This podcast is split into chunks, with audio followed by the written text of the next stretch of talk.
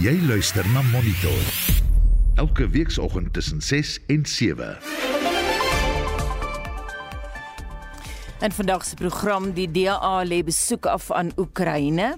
This is to ascertain for myself the situation in a country that has been under siege for over two months. I'll be visiting refugee camps as well as meeting with various mayors, governors, business leaders, students, and ordinary Ukrainian citizens to see firsthand the effects of the Russian invasion. Ons bespreek binnekort die besoek en die doel daarvan met 'n ontleder. Rusland onttrek aan die internasionale ruimtestasie maar behou beheer oor sy wentelbaan. Wat ek wel weet is dat NASA alreeds nog in die nuus gekry het dat Russiese ruimteagentskap gaan onttrek en hulle is alreeds besig om in die agtergrond spoelers uit te steek om te kyk of hulle nie 'n plaasvervanger tegnologie kan plaas aan boord om dan die effek teen te werk van die russe wat gaan onttrek. En ons praat met twee vleniers wat om die Suid-Afrikaanse kus vlieg. Baie welkom by môre goeie by Monitor. Goeiemôre die span vanoggend redakteur Wesel Pretorius, produksieregisseur Daitron Godfrey. Ek is Anita Visser.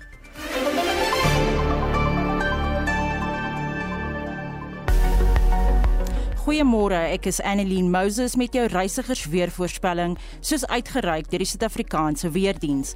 Dit is mooi weer vir Pretoria, Johannesburg en Vereniging. Pretoria 9:24, Johannesburg 7:22, Vereniging 7:23. Dit is gedeeltelik bewolk in Bombela en Polokwane.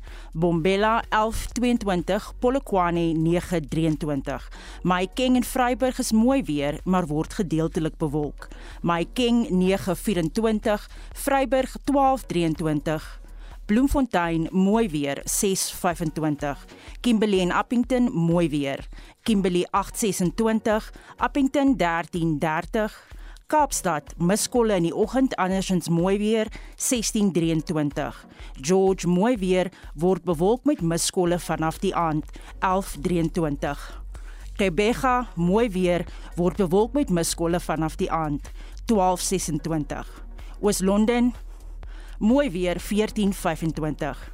Durban, Richards Bay en Pietermaritzburg mooi weer. Durban 16:23, Richards Bay 14:24 en Pietermaritzburg 9:24.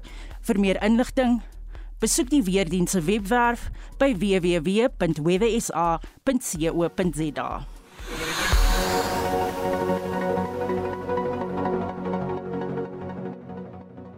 Daar is geen verkeer. In Gauteng, daar staan 'n voertuig op die N12 oos by die R59 en die linkerbaan is versper. Nog 'n voertuig staan botstil in die linkerbaan op die N3 noord na die Elandswisselaar. Verkeersligte is buite werking op Hendrik Potgieter en Clearwater, as ook by Hendrik Potgieter en Christian de Wet. Dan is daar padwerk op die N1 suid na die Vleende Piering wisselaar en twee linkerbane is gesluit. As jy enige verkeersnuus het, stuur 'n SMS na 45889 teen R1.50 per boodskap.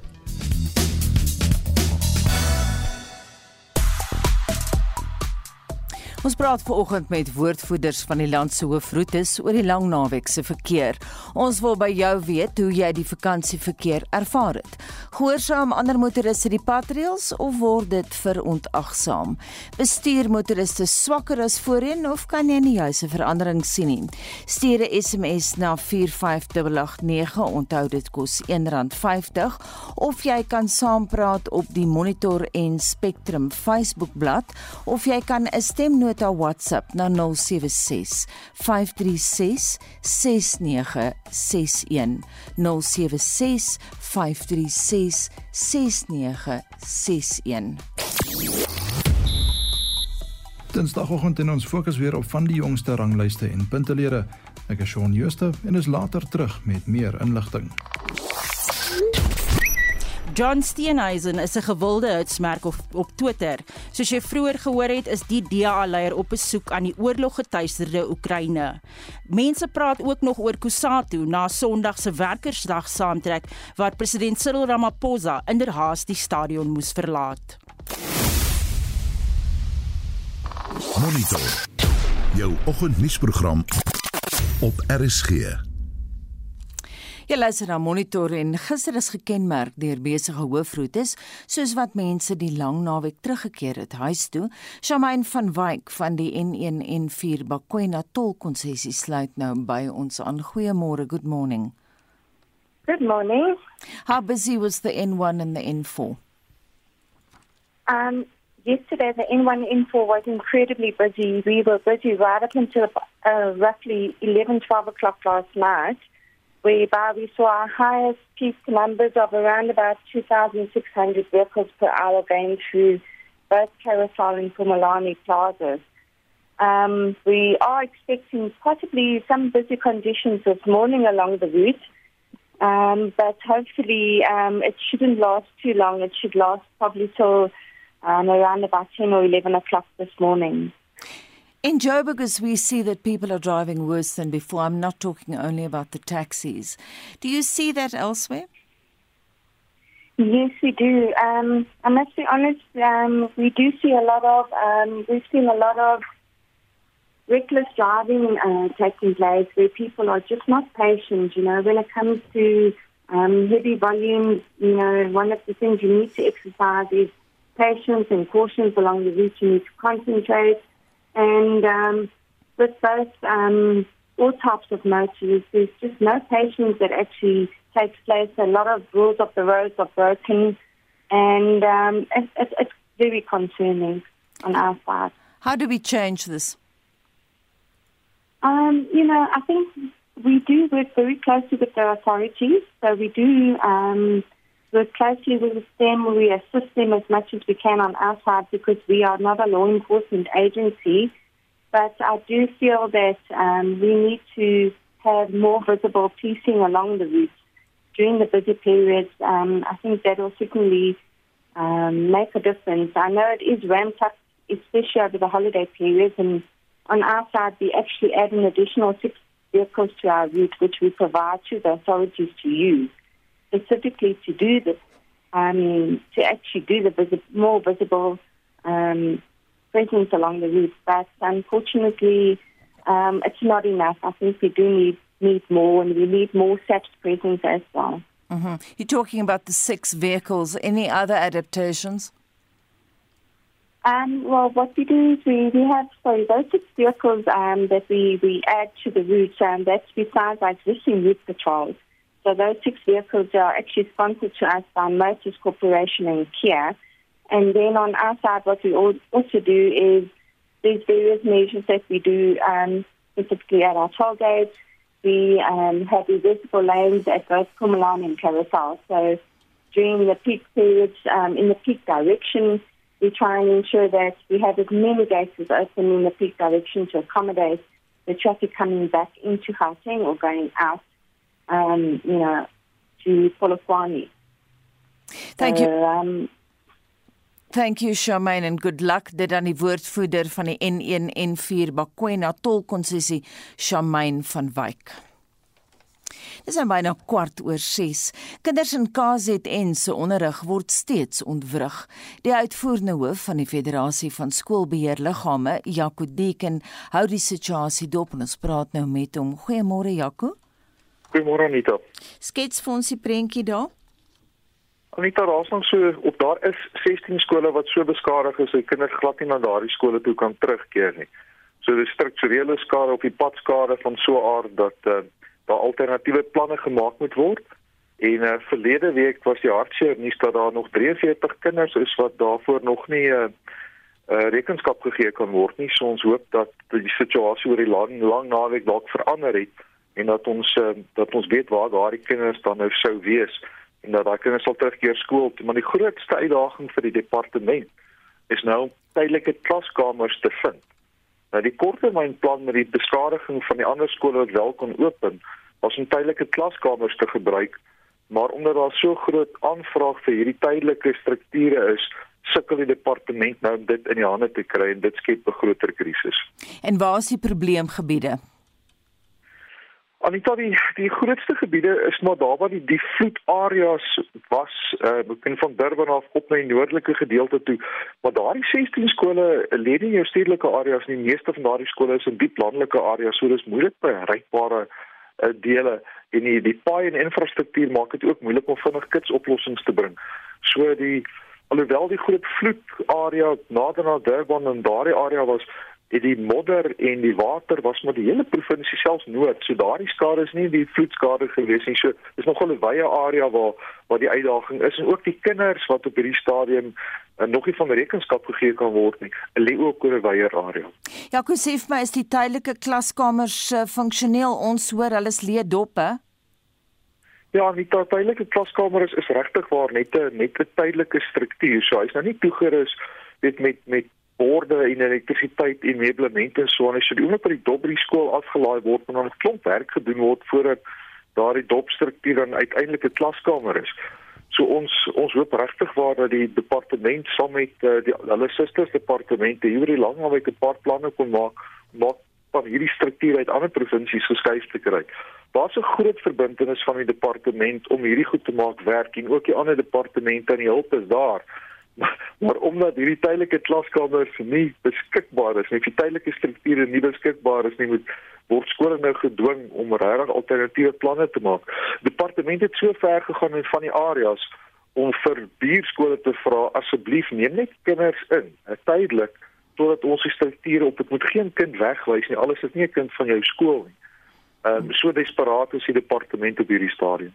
Dit klink of almal goed saamwerk, Jaco. Ja, inderdaad, dan ek dink die kommunikasie van die departement tot ten minste aan die beheerlige organisasies en of vennote toe is baie goed. Nou, dit was nie altyd in die verlede so nie, maar dit het gemaak dat daar meer gepraat moet word en ook die die goeie wil van ons mense dat skole in ander provinsies ook uitgereik het na die skole in KwaZulu-Natal om te sê kan ons help of om kospakkies en water en skryfhoeftes te stuur. Dis eintlik wonderlik om te sien. Ja, kon nie reaksie van die kinders?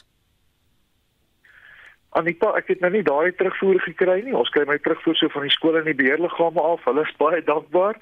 Ehm um, en eintlik is een skool het gesê hy's eintlik oorweldig deur die goedheid van Suid-Afrikaners terwyl daar nood was. En en dis dis 'n mooi storie uit 'n baie hartseer verhaal. Jakob, op 'n praktiese vlak, wat is die grootste les wat jy geleer is? Anita, ek dink die infrastruktuur bly die grootste knelpunt. So ons lesse sal rondom infrastruktuur moet wees, nie, nie die ontwikkeling nie, maar die regtig die beplanning van hoe waar. Waar bou ons dit, hoe bou ons dit en dan ook ons langtermyn instandhoudingsplan. Nou daardie ver afgeleë skole as daar klein bietjie water loop en die pad word vernietig, dan weet ons nie wat by die skool gebeur het, dan kan hulp nie noodwendig by die skool opdaag nie. So moes helikopters 'n paar weke terug invlieg om kos en water uh, by die skole te gaan gee want daardie kinders is letterlik op eiland by die skool gewees. Ek dink ons grootste les gaan moet wees om te gaan kyk na die infrastruktuur nie net by die skool nie, maar ook op pad na skole om dit beter in stand te hou, regtig goed te gaan beplan. Veral in daardie areas wat ons weet baie water is en waar skole en gemeenskappe teens baie baie skuins hellings gebou is. Baie mooi te gaan kyk na daardie afloopwater om die skole en die kinders dan te beskerm. Jakob, watter raad het jy vir ouers wie se kinders nie kan skool gaan nie? Anita gaan wel ten minste by die naaste skool aan. Ehm um, dit gaan 'n baie tydelike reëling wees maar dat die kind ten minste weer in 'n onderrig omgewing kom en nie sy leerfiksheid verloor nie. Weer begin huiswerk doen, weer in 'n klas kom en weer 'n rotine begin kom. Terwyl die departement en die beheerliggaam en die skoolleierskap dan werk om die skoolstrukture weer daar te kry. Maar moenie moedeloos raak, jy kan nie onderrig kry nie. Kom wel ten minste by die naaste skool aan. Dit gaan 'n regtig tydelike reëling wees, maar uh moenie dat die kind nie skool gaan nie. Baie dankie dit aan Jaco Deken, hy is uitvoerende hoof van FETSAS en nou internasionale nuus gebeure. Die DA-leier John Steenhuisen het die week in Oekraïne aangekom en het op sy eerste dag in die land met die burgemeester en goewerneur van Lviv vergader. Hy het die boodskap op Twitter gedeel. I will embark on a six-day tour of various parts of Ukraine, mostly around the capital Kiev. This is to ascertain for myself the situation in a country that has been under siege from the Russian army for over two months. Over the course of the next week, I'll be visiting refugee camps as well as meeting with various mayors, governors, business leaders, students, and ordinary Ukrainian citizens to see firsthand the effects of the Russian invasion and the ongoing occupation of parts of Ukraine. In the era of fake news and propaganda, this is the only way to truly know what is happening. Hy sê die eerstehandse ervaring van die oorlogsone is van onskatlike waarde. My predecessor and stalwart of South African liberalism, Helen Suzman, often offered the advice to others go see for yourself. Don't take what the press tells you, don't take what other people tell you. Go and see for yourself. And that is the purpose of my visit. We owe it to the people of Ukraine to tell the unfiltered truth about what is taking place here so that the world can stand united in bringing this injustice to an end. Steenhuisen sê Rusland se inval in Oekraïne het 'n uitkring wêreldwyd. We live in a super connected world where disruptions in one part cause major ripples everywhere else. Russia's invasion of Ukraine is not a European problem, it is a global problem. And the knock on effect of this war on our own fuel, maize, cooking oil, and fertilizer prices is going to reach very deeply into the pockets of poor South Africans who can already not make ends meet. We dare not pretend that this is a war that has nothing to do with us. And we dare not pretend that remaining neutral in this situation is admirable. When we have a clear and undeniable evidence of injustice, we owe it to the victims to pick a side and to speak out. Ja, dit dan John Steenhuisen van die DA ons bly by die storie. Die sekretaris-generaal van die VN, Antonio Guterres, sê ook dat die oorlog in Oekraïne die drievoudige voedsel, energie en finansiële krisis in Afrika vererger. Guterres het vroeër in Senegal gepraat tydens 'n vergadering met president Macky Sall, die eerste stop op sy Ramadan solidariteitsbesoek aan vier lande in Wes-Afrika. Bien entendu, Of course, when we talk about the socio-economic situation, it is impossible not to address the war in Ukraine and its impact on Africa. This war aggravates a triple crisis food, energy, and financial for the region and beyond. That is why I've created the Global Crisis Response Group on Food, Energy, and Finance, which mobilizes the United Nations, UN agencies, development banks, and other international organizations. Hy het die behoefte beklemtoon om die vloei van voedsel en energie te verseker. Nous devons garantir un flux régulier de denrées alimentaires et d'énergie sur les marchés ouverts. Removing all unnecessary restrictions on exports, and allocating surpluses and reserves to those who need them, and controlling food prices to calm market volatility. But let's be serious. There will be no real solution to the world food security problem. without reintegrating the agricultural production of Ukraine, as well as the food and fertilizer production from Russia and Belarus into the markets despite the ongoing war. Dans les marchés mondiaux, et cela en dépit de la guerre. Guterres sê die VN het voorstelle aan die Wêreldbank en IMF gemaak om verskeie instrumente te gebruik om die skuldlas op die armste lande te verlig. Hierdie verslag deur Shaun Bryce Peace en ek is Annelien Moses vir SAK nuus. En ons bly by die storie en praat nou met die politieke ontleder Theo Venter. Goeiemôre Theo. Môre Anita. Ek wil bly by Antonio Guterres. Hy het nou gesê dat die oorlog in Oekraïne die drievoudige voedsel, energie en finansiële krisis in Afrika vererger. Die BBC het ook oor die naweek berig dat die russe van die voedsel in Oekraïne steel. Ek praat van landbouprodukte en so aan. Wat is die gevolge hiervan op spesifiek Suid-Afrika, nie net die res van Afrika nie? Die gevolge op Suid-Afrika is kleiner as op baie ander lande omdat Suid-Afrika in 'n groot mate selfvoorsienend is vir die meeste voedselprodukte en dit sluit koring uit en dit sluit olies uit. Maar ehm um, in terme van mielies byvoorbeeld het ons 'n oorproduksie en kan ons uitvoer. So ons is in 'n baie gelukkige posisie grootliks, maar ons het 'n hele paar interessant een van die um, produkte waarop ons op die oomblik 'n groot probleem gaan ontwikkel is palmolie omdat Indonesië besluit het om geen palmolie meer uit te voer nie vanweë die tekorte wat daar wêreldwyd is en ons is volledig afhanklik vir palmolie uh van invoer. Theo, dink jy John Steenhuisen se besoek aan Oekraïne is wys? Hy het nou verwys na sy voorganger. Hy het gesê mens moet eerstehands kyk wat gaan aan, maar plaas sy besoek nie druk op sy gasheer om hom te beskerm nie. Wel, hy was in in Oekraïne op dieselfde dag wat Nancy Pelosi ook mm. daar was. Sy het natuurlik die aandag gekry van die president. Um, dit lyk nie asof John Steenhuisen op daardie vlak gaan optree nie. Ek kan ehm um, van my eie posisie en hoe ek na dinge kyk, hom nie ehm um, op enige manier fouteer deur die feit dat hy soontoe gaan om self te kyk nie. Dit is 'n dit is 'n benadering wat ek self volg en ek weet jy ook om jou voete by 'n plek te sit is net om anders daarna te kyk.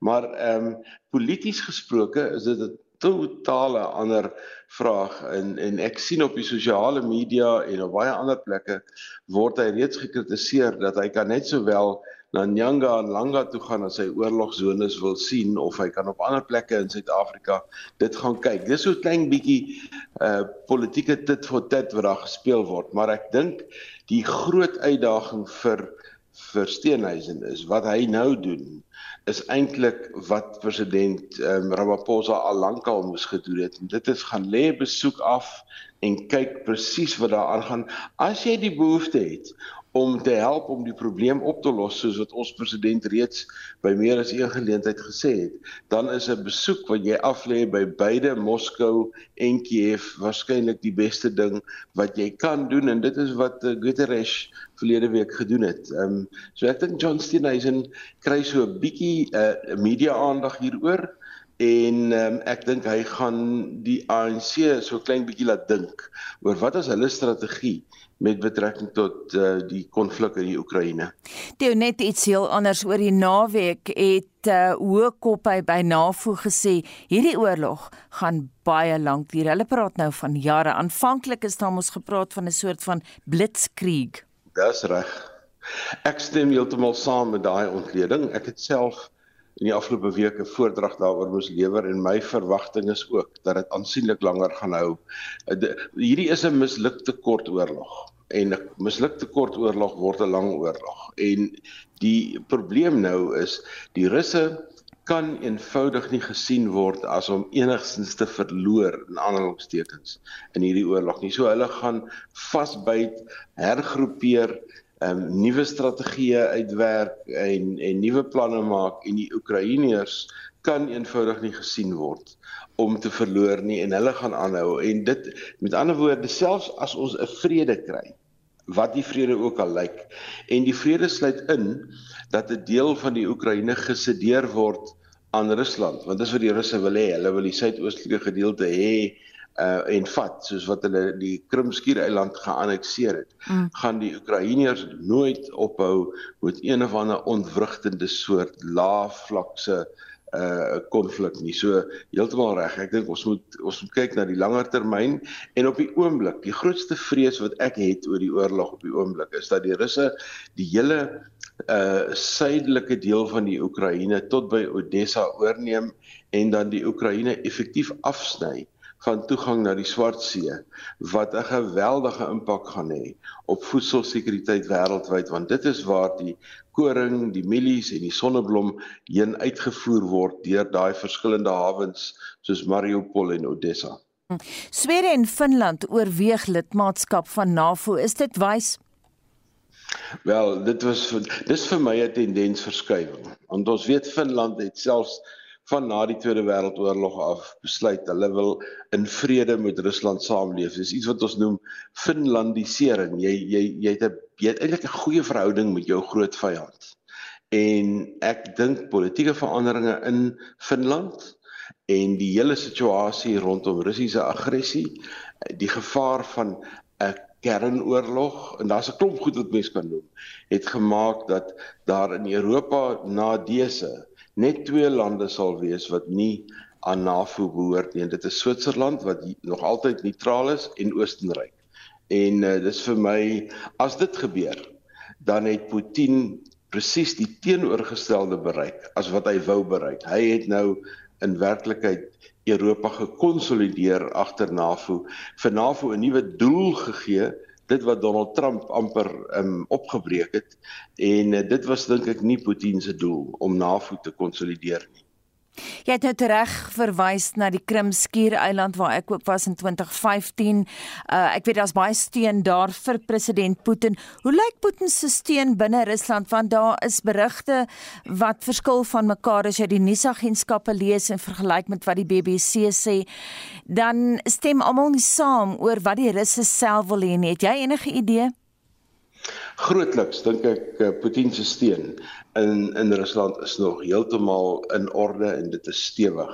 En dit word bepaal deur dit wat ek en jy hier doen. Ons bespreek vrylik ons siening oor wat gebeur. Ons is positief, ons is negatief, ons lewer kritiek.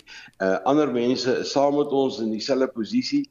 In Rusland is daar net een storie, een narratief en dit is 'n militêre uh, operasie in die Oekraïne wat 'n bietjie langer vat as wat verwag word omdat Putin die media totaal beheer en omdat hy selfs um, mense nie toelaat om kritiek te lewer sonder groot prys om te betaal nie.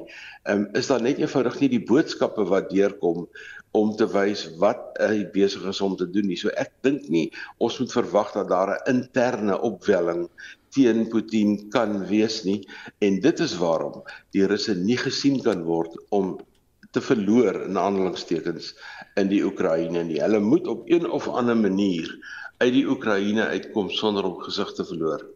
Dat die leierskap in Oekraïne het gesê Putin sal nie stop voordat hy in Berlyn is nie. Na Oekraïne, wat gebeur volgende? Watter streek is volgende? Kom ons kom ons kyk net weer toe hulle begin het met die konflik. Toe hulle begin het met die konflik, het ons geweet hy probeer 'n blitskrieg, miskien om in 2 of 3 dae in Kiev te kom, die regering te ontsetel, uh 'n soort van 'n bedreigingspotensiaal vir Europa in die gesig te stel, maar hy wil eintlik net 'n groot pad bou na die Krimskiereiland toe. Dit was sy eerste en en belangrikste strategiese oriëntering want hy wil by Sebastopol uitkom want dis waar die Russiese vloot sit. Hy wil nie oor daai simpel bruggie ry wat hulle probeer bou het van Rusland af na die na die Krimskiereiland toe nie. En en en wat hy gedoen het is hy het dit oor aanbod gemaak as ek dit so kan uitdruk ten opsigte van wat hy alles wil doen. Ek dink nie was ooit deel van sy intensie om kernwapens te gebruik of om Poland in te val of om Litouwe of enige van hierdie aangrensende lande in te val nie. Die vrees was daar, die vrees was groot, maar ek dink mense besef nou dat Putin is op sy eie dink ek 'n baie rasionele um, politieke besluitnemer. Sy liefde, sy patriotisme vir Rusland gaan nie toelaat dat hy dinge doen wat Rusland verder gaan benadeel nie. En een daarvan sou natuurlik wees die gebruik van kernkrag uh, of kernmag en uh, want as jy dit gebruik dan dan maak jy jouself reg vir 'n uitwissing soos wat jy nog nooit gesien het nie en dit is totaal kontra wat hy wil doen. So ek dink dit gaan 'n duidelike um, uh, strategie wees om 'n toegang te kry tot die Krimskiereiland en dan 'n stadige maar sekere neersit van wapens. Hmm. Baie dankie en so voorspel die politieke wetenskaplike Theo Venter. Jy luister na Monitor. Elke week saterdag tussen 6 en 7. Dis nou 6:34 die hoofnuus gebeure. Twee ANC-leiers sterf in 'n aanval in die Oos-Kaap. Die COVID-19 toetspositiwiteitskoers styg verder en 'n afname in belangstelling in landbou in Suid-Afrika.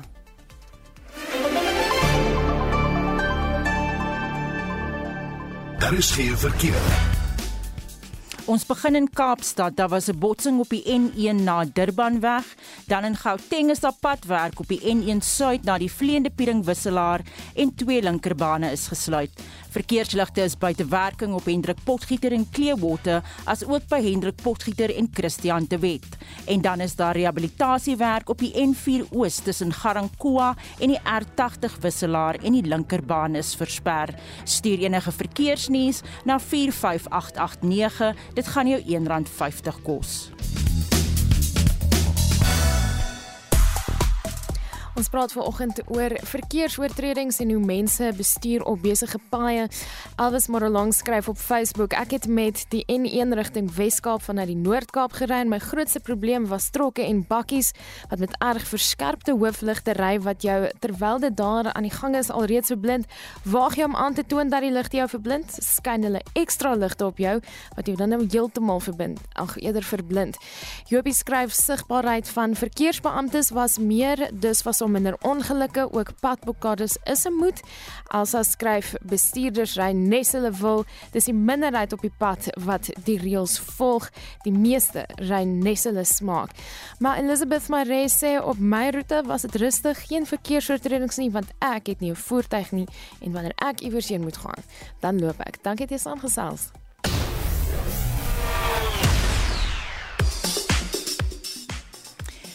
636 van die sport fokus val vanoggend weer eens op van die jongste ranglyste en puntelere. Goeiemôre Shaun. Goeiemôre Anita. Ek val sommer weg met rugby nuus en daar bly nog net een ronde oor voor ons by die Verenigde Rugby Kampioenskappe se uitspeelfase kom. Die eerste spanne Leinster en Munster is eerste en tweede op 62 en 56 punte onderskeidelik. Die Sharks en Stormers vaar ook uitstekend en lê derde en vierde beide ook op 56 punte. Die Bulls is 6ste op 53 en die Lions 11ste op 37 punte. Die top 4 spanne in die Super Rugby Pacific reeks is die Blues op 40, Brumbies op 39, Crusaders op 34 en Chiefs op 32 punte. Dit is na 10 rondes. Die Karibeker reeks word die naweek hervat en die Cheetahs is bo in die punteleer op 31 punte. Die Bulle is kort op hul hakke op 30 en die Haie en Griekwas 'n bietjie verder terug op 22 en 20 punte onderskeidelik. Op die sokkerveld is die DStv Premierliga reeds beslis, maar die res van die spanne veg nog vir eer. Mamelodi Sundowns is die voorlopers op 58 punte en word gevolg deur Royal AM op 45, Cape Town City op 44 en Orlando Pirates op 40 punte. In die Engelse Premierliga is dit kop-aan-kop stryd tussen Manchester City en Liverpool. City staan op 83 en Liverpool op 82 punte. Chelsea en Arsenal rond die top 4 af op 66 en 63 punte onderskeidelik. Oor na die cricketveld en die Suid-Afrikaanse A-span het 'n 1-0 voorsprong in hulle T20 reeks teen die Zimbabwe se elftal. Dit is na gister se oorwinning van 5 paaltjies in die eerste wedstryd. Môre se tweede wedstryd uh, sal dan kan moontlik die reeks beslis en onthou die Suid-Afrikaners die eendag reeks ook met 2-1 ingepalm. In die IPL reeks bekleed die Gujarat Titans die eerste posisie op 16 punte. Hulle het nog net een wedstryd verloor. Die Lucknow Super Giants is tweede op 14. Die Rajasthan Royals en Sunrisers Hyderabad is derde en vierde op 12 punte elk. Die Amerikaner Scottie Scheffler bou sy voorsprong op die jongste mans golfranglys. Die Spanjaard Jon Ram en Collin Morikawa, ook van die VSA, bou ook hulle tweede en derde plekke. Suid-Afrika se Louis Oosthuizen bly 15de, Erik van Rooyen val met 3 plekke na 61ste en Shaun Norris met 1 plek na 63ste. Die verdedigende MotoGP wêreldkampioen Fabio Quartararo van Frankryk is nommer 1 op die 2022 punteleer net 89 punte agter sy naam. Die Spanjaard Aleix Espargaro is net 7 punte agter hom met die Italianer Enea Bastianini derde op 69 punte. Die Suid-Afrikaanse binderbroers Brad en Darren is 8ste op 48 en 21ste op 6 punte onderskeidelik. En laastens herinner ek ook net graag dat die Madrid oop op die tennisbaan in die gang is. Die Suid-Afrikaner Lloyd Harris is gister in die eerste ronde met 7-5 en 6-3 deur die Spanjaard Alejandro Davidovich uitgeskakel. En in die vroue afdeling is die tweede en derde gekeerde spelers, Paula Badosa ook van Spanje en Aryna Sabalenka van Belarus ook reeds uitgeskakel. En dit was Shaun Schuster van RSG Sport.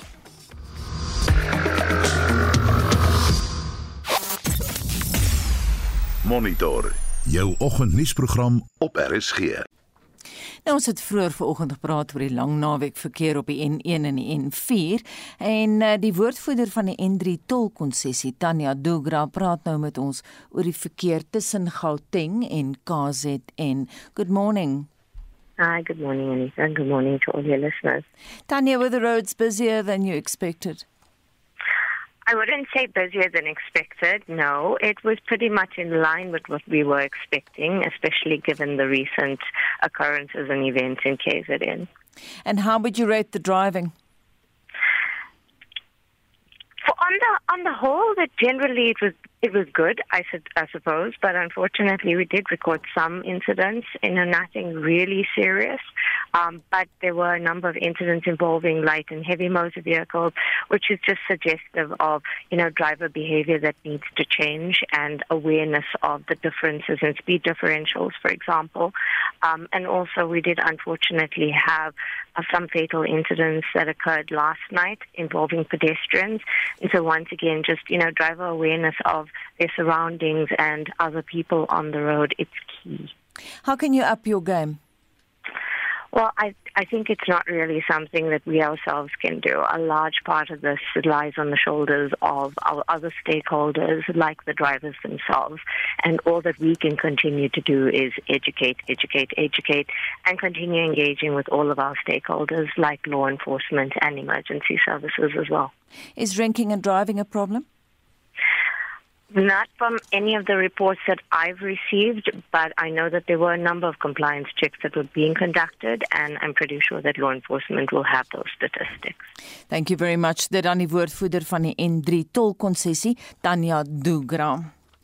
Suid-Afrika kan dalk die maand nog die begin van die 5de golf COVID gevalle sien. Ons praat nou hieroor met Dr. Angelique Kutse van die Solidariteit Dokters Netwerk. Sy was natuurlik voorheen voorsitter van SAMA. Goeiemôre Angelique. Goeiemôre Anita en 'n goeiemôre aan al jou luisteraars daar buite. Angelique, ons het nou in ons 6 uur nuusbulletin gehoor dat die land se positiwiteitskoers nou staan op 21%. Was dit vir jou te wagte? Ja. So Anita, ek het omtrent 'n week terug nog gesê dat ehm um, dit gaan vir ons 'n week na 2 weke vat voor ons weet of ons in 'n 50 golf is. So onoffisieel is ons in 'n vyfde golf. Of dit so erg sal wees soos al die voriges, dit um, is te betwyfel op hierdie stadium. Maar as jy kyk na die positiwiteitskoers wat die laaste week heeltyd bo 20% was, ehm um, dan is dit ehm um, redelik seker dat ons uh, soos ek sê in in 'n vyfde vlaag in is nou, um, baie vroeg in 'n vyfde vlaag. Onthou net dat as hulle sê dat soos gister byvoorbeeld ehm um, was die die die die hoeveelheid mense wat toets. Jy kan dit met 2 of 3 maal want die meeste mense gaan toets een in 'n gesin toets en as hy positief is en die res van die gesin het ook simptome gaan toets hulle gewoonlik nie om verskeie redes daar's of nie geld nie hmm of hulle voel nie siek genoeg nie, ehm um, of hulle het nie 'n siekbrief nodig nie. So ek dink die die die die die die positiwiteit of die hoeveelheid mense is meer as wat daar gesê word. En op 'n praktiese vlak, watter gebeurlikheidsplanne kan ons maak? Ons weet dat Ellen Wendy van die Wes-Kaap nou reeds gesê het watter planne hy gaan maak. Wel, op hierdie stadium is daar geen rede vir enige paniek of so nie, want um, as ons gaan kyk na gister se syfers wat sê mense wat geventileer is, daar's maar oor 660 hospitale plus minus in die land, maar 58. Weet daar's maar so 2100 ehm um, pasiënte wat um, ook in al hierdie hospitale te same lê. So dis nie daar's geen druk op die op die gesondheidstelsel nie. En dit is ons kom maar weer terug na dieselfde ou goedjies toe van dit wat die mense nie wil hoor nie. Dra jou masker, dra as jy kan 'n 3 laag masker, 'n three play soos ons noem. Ehm um, jy weet sosiale afstande vir al as jy binne in toegeboue ingaan, as daar vier mure om jou is. Maak seker dat jy die ou reëls bly volg. En dan natuurlik die vaksines, dit help geweldig. So ja, ons kan sien die die die die uh, vaksines help um, beskerm teen regtig teen erge infeksies en hospitalisasie en selfs dood. So ons kan nou nie mee gaan soos wat hulle in China probeer wat in elk geval vrugteloos is om te sê ons wil 'n zero policy hê nie. Dit gaan nooit gebeur nie. Ons ons doel moet wees om soveel as moontlik mense uit die ehm um, uit die ICU's uit te hou of intensiewe sorgeenhede en ons sterftesyfer so laag as moontlik te hou. Dis waarvoor ons moet gaan en dit is maar hoofsaaklik jou common sense goed wat jy moet doen. Angelique, jy sê nou al vir byna 3 jaar ent jouself in, maar tog het ons nou 'n kollega wat verskriklik siek was met COVID en hy het al drie sy inentings gehad. Hoekom sou dit wees? OK, dit is baie baie interessant ook. So die nuwe um, variant die B4 lyk vir ons asof hy jou immuunstelsel van jou vorige Omicron variante wel kan ehm um, uh ontduik.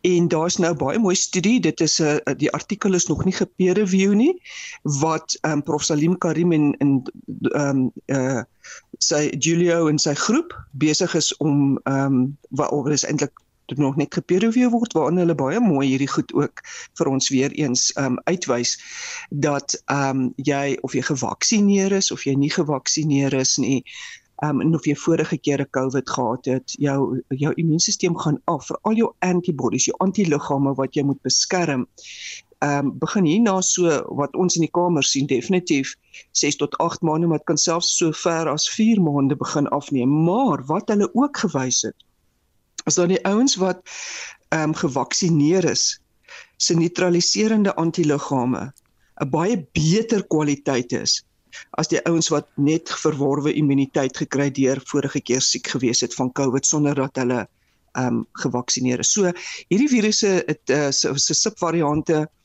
ehm um, is baie interessant ehm um, en uh jy weet ons sien dit is wat besig is om te gebeur. So jou vriend, jy's reg, ek het laasweek ook sulke pasiënte gekry wat gevaksinereer was.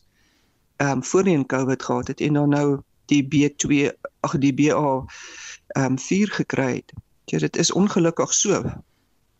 Baie dankie en so sê Dr. Angelique Kutse en sy is van die Solidariteit Dokters Netwerk. In 'n skuif wat min mense verwag het, het Rusland onttrek aan die internasionale ruimtestasie. Die rede daarvoor is die sanksies wat ingestel is teen Moskou weens hulle inval in Oekraïne. Dr Pieter Kotze, 'n buitengewone professor aan Noordwes Universiteit, sê Rusland sal eers oor 'n jaar of wat hulle tasse pak of die Russe liewer sal hulle tasse pak. Dis nie teenstaande gaan dit verrykende implikasies inhou vir die funksionering en voortbestaan van die ruimtestasie. 'n Baie belangrike komponent, naamlik die beheer en die kontrole van die wentelbaan, is uitsluitlik die taak van die Russiese gedeelte van die ruimtestasie.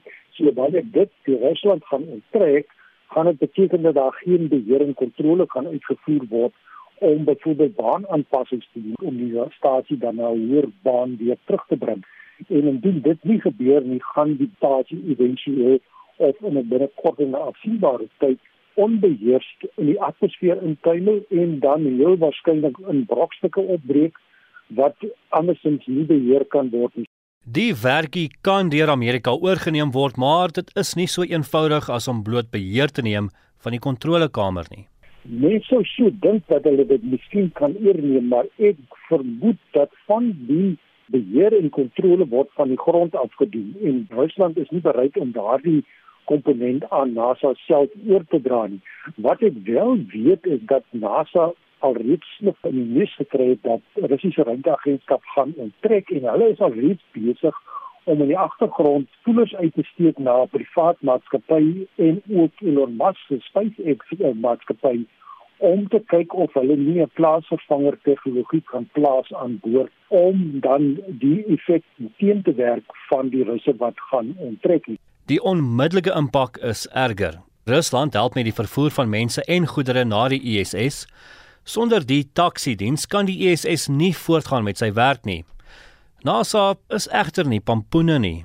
Afgelope verlede het dit oorgegaan na SpaceX toe en dit alreeds soort van uitgemaakte saak dat SpaceX eintlik die kontrak gewen het om nou hierdie ruimtevaders tussen die aarde en ook uh, tussen die ruimtestasie te vervoer. So ek vermoed dit is alreeds die effek van Rusland se onttrekking is alreeds in daardie opsig teengewerk. Die ander natuurlike nuwe effek is natuurlik die befondsing daarvan. Want ons moet in gedagte hou om een ruimtevader aan boord van die ruimtestasie te hou vir een dag kos tussen 80000 en 160000 dollar. So dit is 'n aansienlike bedrag wat in die pool gestort moet word ten einde die stasie funksioneel te hou.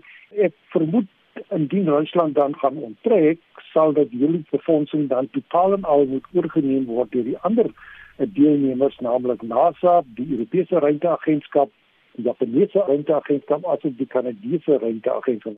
Rusland se onttrekking is slegte nuus, maar kan ook 'n kleiner impak hê as wat jy sou dink. Die ruimtestasie is eintlik besig om die einde van sy lewensyd te bereik.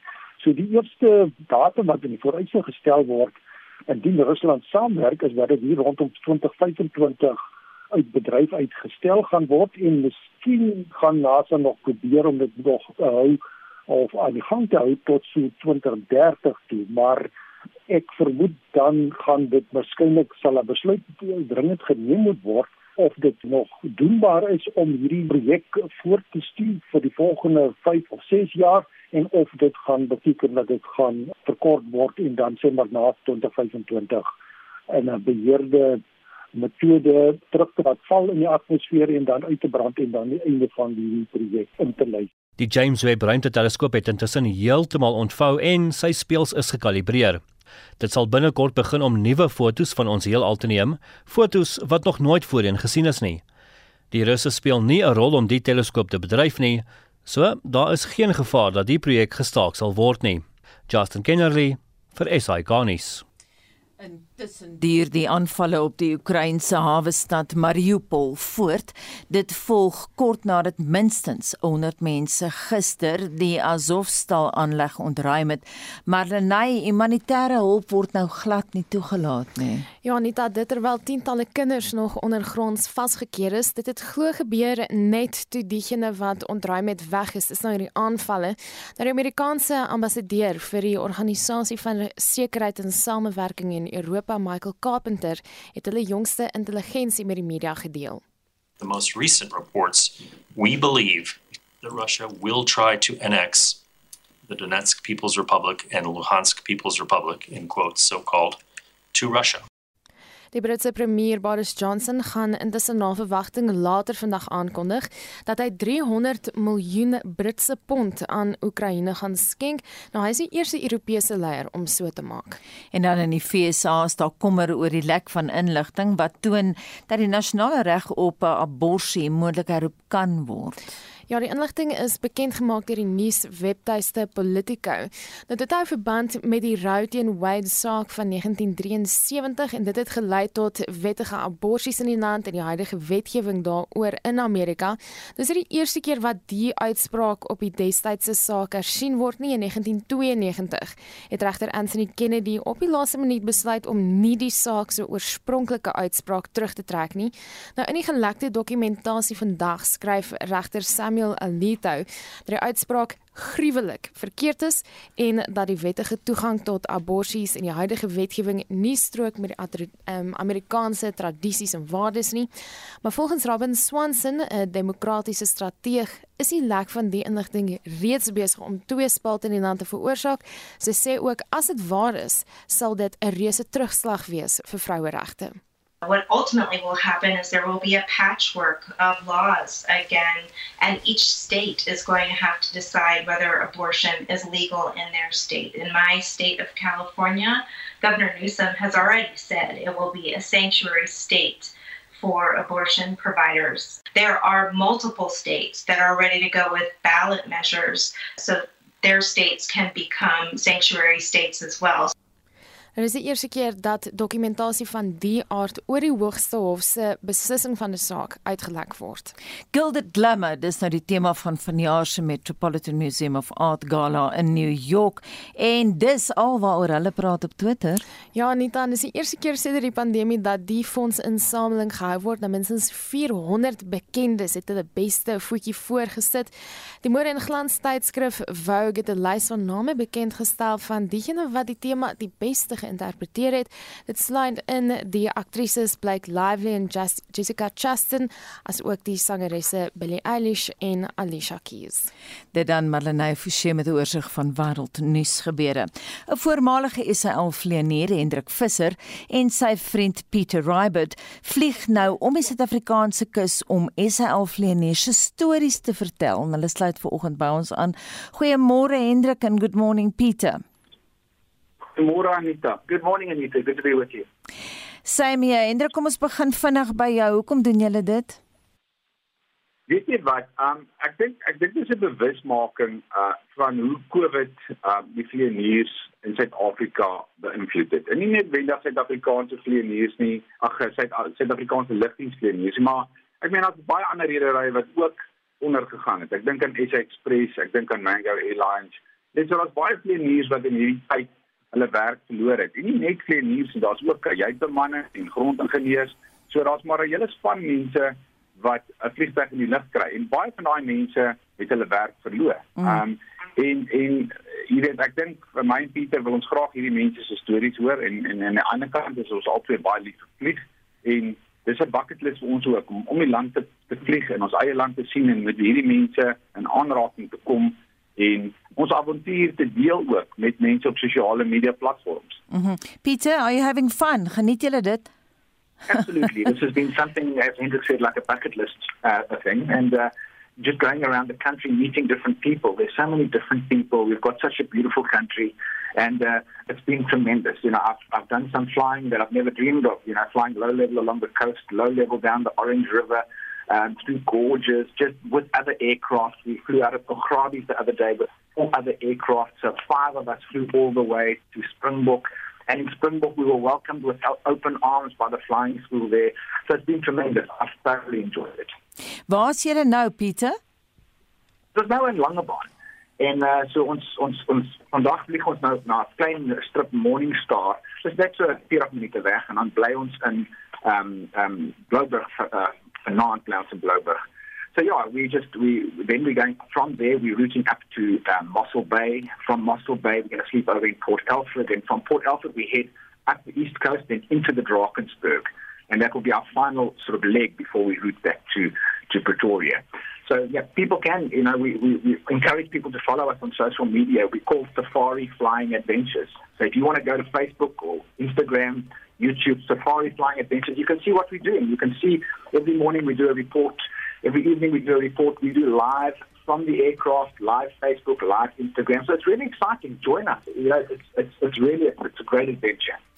Kort laaste vraag aan jou Hendrik. Baie mense is nou vertroud met vlieg in Boeing 737s tussen Johannesburg en die moederstad. Hoe voel julle ligte vliegtuig dis nou die Bush baby as jy nou lang hmm. afstande moet vlieg? Die mense bou daar raak so 'n bietjie seer en dan met mense maar knyp in die blaas is maar bietjie klein. Ek het 'n klein ertjie blaas, so dis maar moeilik. Ehm um, ons het maar uh, ons so nou dan na land ons maar op 'n lughawetjie en dan uh, dan eet ons 'n stukkie biltong en uh, drink 'n koffie en eet 'n beskuit. So dit is baie anders. Ek het uh, die vliegtuig wat ek gevlieg het was uh, was die Airbus geweest. Ek het ook Boeing gevlieg, maar uh, dit is heeltemal 'n ander tipe vlieg. Ek meen ons vlieg laag. Jy kan mooi alles sien met die groot vliegtuie. Vlieg jy oral um die land die soos ons bestaan met ek na Suid-Amerika toe gevlieg en dan hmm. kom ou daar oor die see oor die Noord-Kaap en al wat jy sien is die woestyn van van bo af en dit is nou hmm. lekker om 'n bietjie van onkrag te sien. Hendrik baie lekker. Baie sterkte geniet die vlug en volgende keer gaan ons saam dit dan Hendrik Visser en Pieter Raibet en daarmee groet die monitor redaksiespan namens ons uitvoerende regisseur sy is Nicoline de Wee die man in die warm stoel vanoggend Wessel Pretorius die produksieregisseur Daitron Godfrey My naam is Anita Visser.